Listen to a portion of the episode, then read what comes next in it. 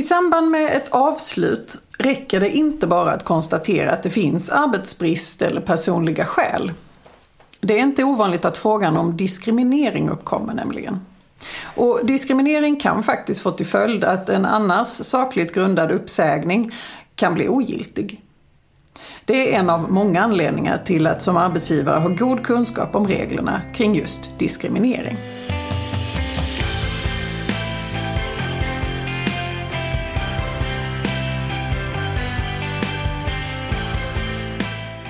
Hej och välkommen till Arbetsrättspodden. Podden för dig som verkar inom HR eller hanterar personalfrågor i din vardag. I den här podden vill vi bjuda på nya infallsvinklar och dela med oss av vår kunskap för dig som arbetar inom HR-området. Jag heter Emelie Svensäter Jantorp och arbetar som advokat inom arbetsrätt här på Vinge. Och med mig idag har jag min kollega Åsa Gotthardsson som är delägare och specialist inom arbetsrätt på vårt Stockholmskontor. Hej Åsa! Hej Emelie! Ja, den här meningen “jag har blivit diskriminerad” det är ett relativt vanligt påstående, särskilt i de här avslutsdiskussionerna. Och det är ju en arbetstagares eh, upplevelse som är utgångspunkten i om någon har blivit diskriminerad eller ej. Men även om någon typ av kränkande särbehandling har skett så är det ju inte alltid diskriminering. Man kan inte bli diskriminerad för vad som helst eller av vem som helst. Det måste finnas en koppling till någon av de eh, diskrimineringsgrunder som finns i diskrimineringslagen. Och Åsa, vad är de här grunderna? Vilka är de? Ja, de är sju stycken till antalet och det rör sig om kön, könsöverskridande identitet och uttryck, eh, ålder, sexuell läggning, religion eller annan trosuppfattning, funktionsnedsättning och etnisk tillhörighet.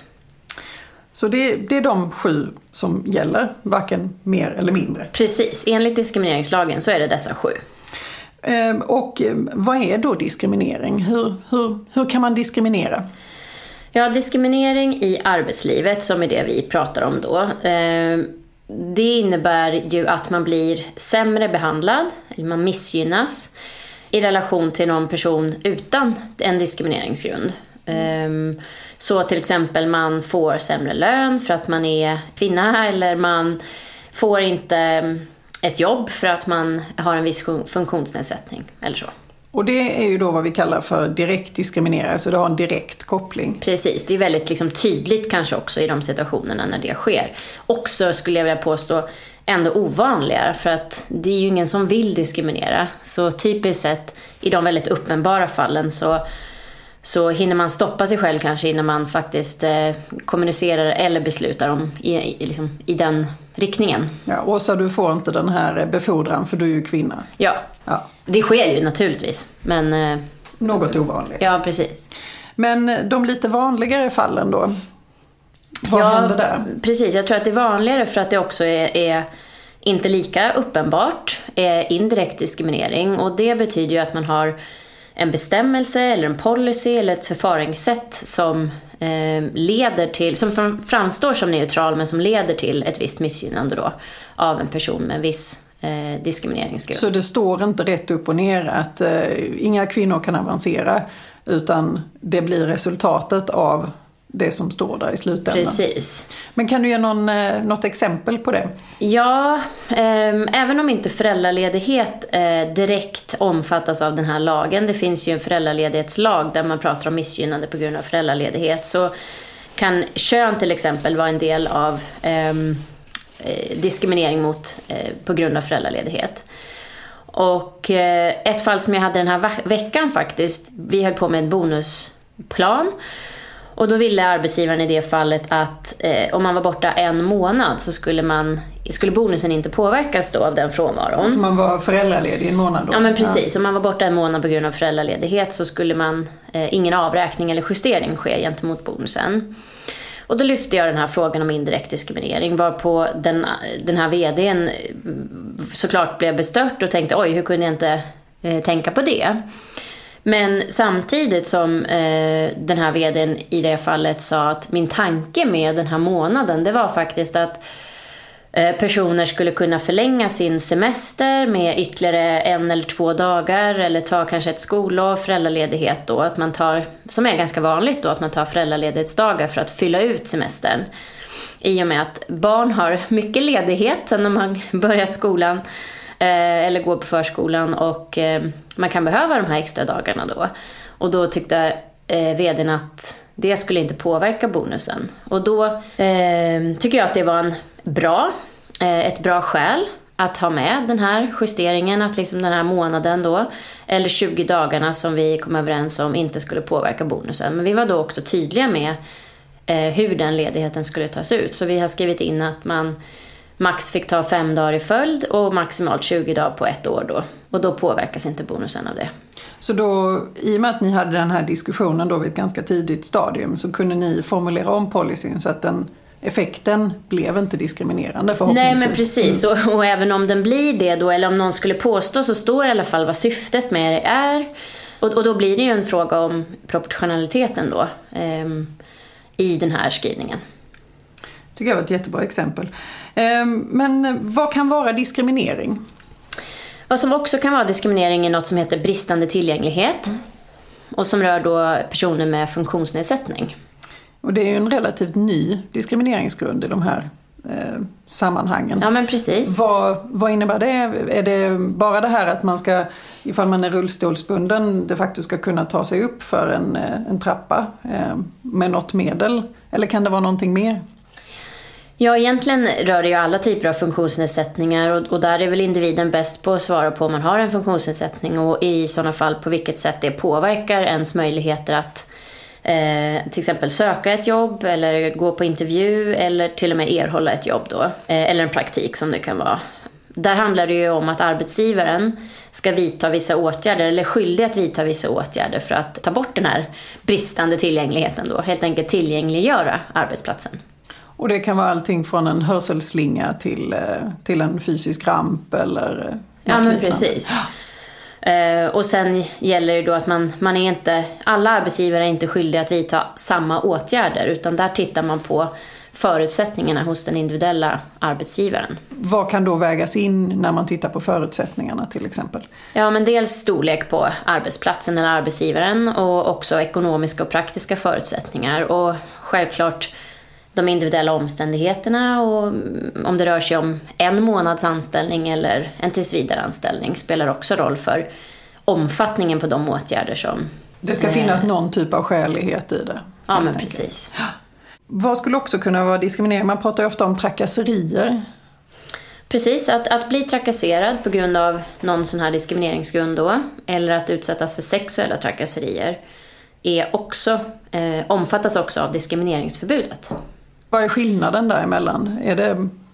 Skillnaden är just att eh, trakasserier det har grund då med någon av diskrimineringsgrunderna. Medan sexuella trakasserier det handlar om att man blir utsatt för ett beteende som kränker ens värdighet på grund av någon sexuell natur. Då. Oftast kön eller liknande. Ja, precis. Till, skillnad från trakasserierna som då kan ha att göra med vilken av de här grunderna som helst så är ju sexuella trakasserier typiskt sett anknutet till ett visst kön. Så det kan ju vara en brandmanskalender eller en eh, eh, jargong som typiskt sett då, eller som får en, en grupp av människor eller en grupp av anställda som då tillhör en visst kön att känna sig eh, trakasserade på grund av eh, av liksom mer sexuell natur då än just kön. Mm. Så relativt brett. Eh. Precis, och sen kan det ju naturligtvis vara och vanligare skulle jag kanske säga just med sexuella trakasserier när man, i alla fall de vanligaste situationerna när man reagerar är ju när man kanske blir utsatt för någon liksom, fysisk eh, kontakt. Men det är och kan också då vara ord eller bilder. Så.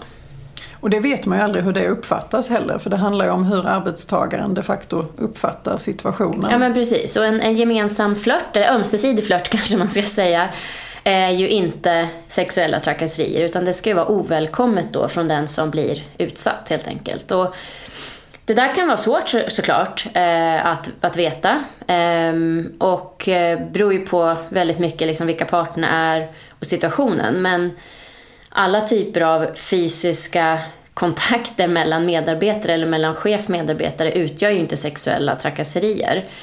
Men så fort någon har sagt att det här vill inte jag vara med om eller indikerat det på något annat sätt så blir det ju direkt då sexuella, eller kan bli sexuella trakasserier.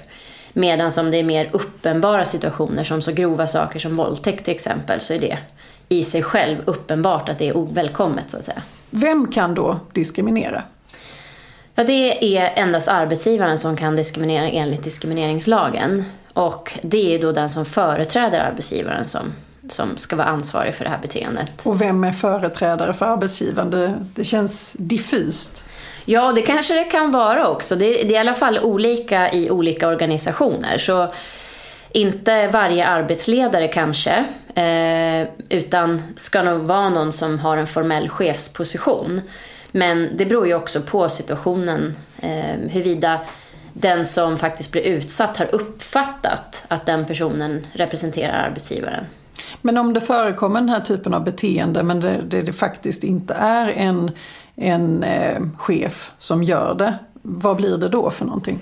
Ja, då blir det inte diskriminering som en arbetsgivare kan bli ansvarig för. Men det kan ju vara, eh, antingen kan det vara fråga om ett brott enligt eh, straffrättsliga regler. Eller så kan det ju vara någonting som man som arbetsgivare måste hantera på annat sätt, det vill säga enligt vanliga eh, arbetsmiljöregler på arbetsplatsen. Det blir ett arbetsmiljöproblem helt enkelt? Ja, men precis. Mm. Ehm, och vem kan då bli diskriminerad? Ja, den som kan bli diskriminerad är anställda och eh, de som gör praktik hos arbetsgivaren.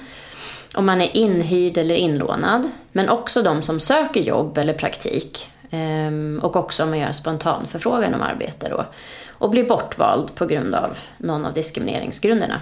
Så återigen ett ganska brett träfffält. Precis. Och det gör ju också att man behöver vara ordentligt förberedd som arbetsgivare så man ser det ja. på hela, hela förloppet. Vi pratar ju ofta om arbetsgivarens ansvar i den här typen av situationer. Jag tänkte vi skulle ta upp det idag också. Vad är, vad är arbetsgivarens ansvar i de här situationerna? Ja, förutom då det uppenbara att underlåta att diskriminera så eh, är ju också ett stort ansvar som åligger arbetsgivaren det är att förebygga och motverka diskriminering. Och hur gör man det på bästa möjliga sätt? Finns det några regler som säger det? Precis, och det gör det. Och sedan 2017 så är de reglerna just formulerade på det viset att man ska aktivt motverka, man ska bedriva ett aktivt arbete för att motverka och förebygga diskriminering. Och man ska dokumentera det här arbetet. Det här gjordes innan 2017 i form av en jämställdhetsplan. Nu, ska man, nu kan man droppa den och så ska man jobba snarlikt men ändå eh, på ett annat sätt skulle jag vilja säga. På ett mer konkret och tydligt sätt. Och eh, sedan då dokumentera det man gör. Så att det viktigaste här kanske jag skulle säga, eller jag tror att eh, lagstiftaren har ju tänkt sig att mer tydliggöra det här aktiva arbetet man ska bedriva. Eh, och sen ska man förvisso dokumentera det. Det var ju väldigt vanligt eh, innan 2017 och kanske alltjämt är att man hade en fin jämställdhetsplan men man bedrev inget liksom, aktivt systematiskt arbete i de här frågorna. Så mer hands-on nu är tanken? Ja, men precis. Och har man inte sett över sina riktlinjer och sina policies på några år, man vet det med sig, så är det bra att göra det. Då är det dags att göra det nu, ja. ja. Ehm, om man då ändå misslyckas i sitt arbete och det sker diskriminering, vad blir konsekvensen? Kan det kosta någonting? Precis, och det kan då generera en skyldighet att betala diskrimineringsersättning, en form av skadestånd då för diskriminering.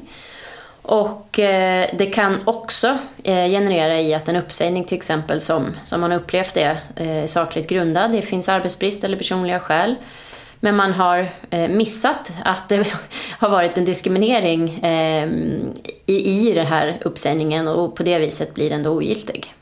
Men vi har ju uppsägning, då behöver vi ha saklig grund i Sverige till exempel. Och en av de sakliga grunderna är ju eh, arbetsbrist. Mm. På vilket sätt skulle man kunna ha diskriminering inom arbetsbristsituationen? Ja, men arbetsbrist, eh, det kan ju vara så att man har ekonomiska eh, Eh, skäl att dra ner på antalet befattningar eller ta bort en viss befattning. Eller organisatoriskt har man sett över verksamheten och, och konstaterat att den här befattningen är övertalig. Eh, och på det viset är det liksom en, en riktig arbetsbrist. Men man har, när man har gjort det, eh, vidtagit neddragningen på ett sådant sätt att den då kommit att drabba personer av eh, ett visst kön eller med en funktionsnedsättning eller etnisk tillhörighet. Eh, och man antingen har avsett det eller missat att det blir, det blir den följden så att säga. Och då kan man komma, eh, då kan det här påtalas och kanske göras gällande då. Så du kan ändå få en ogiltighetssituation trots att du har saklig grund? Då. Precis. Mm. Så det är värt att ta med sig att man ska titta på detta redan på planeringsstadiet? Ja, det tycker jag. Och eh, vår, när vi kommer in i bilden eh, är det ju väldigt vanligt att en arbetsbrist kanske drabbar en person eller ett fåtal personer. Och i den situationen är det än viktigare att fundera på den här frågan så att man de facto har ett svar på om den frågan kommer upp från individen. Avslutningsvis, ehm, nu pratade vi om en person, eh, hur man kan uppleva det som arbetstagare ifall du blir uppsagd och du känner dig diskriminerad i den situationen. Men om vi har en arbetstagare då som eh, på plats, eh, chef eller inte chef, som diskriminerar eller på annat sätt kränker sina kollegor. Kan man säga upp den personen på grund av beteendet? Det kanske man kan, det beror på, som vi brukar svara, eh, på omständigheterna. Och är det så att en person har diskriminerat eh, och det har lett till väldigt negativa konsekvenser så kan det mycket väl vara så att man har saklig grund.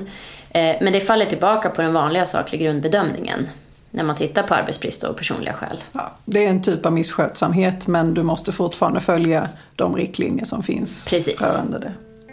Det får vara allt vi hinner för idag. Tusen tack för detta Åsa. Tack. Dagens gädda. För att någonting ska kunna anses vara diskriminering krävs det att det finns en koppling till någon av de sju diskrimineringsgrunderna. Om det inte finns någon sådan koppling kan det dock givetvis vara fråga om någon annan typ av kränkande särbehandling.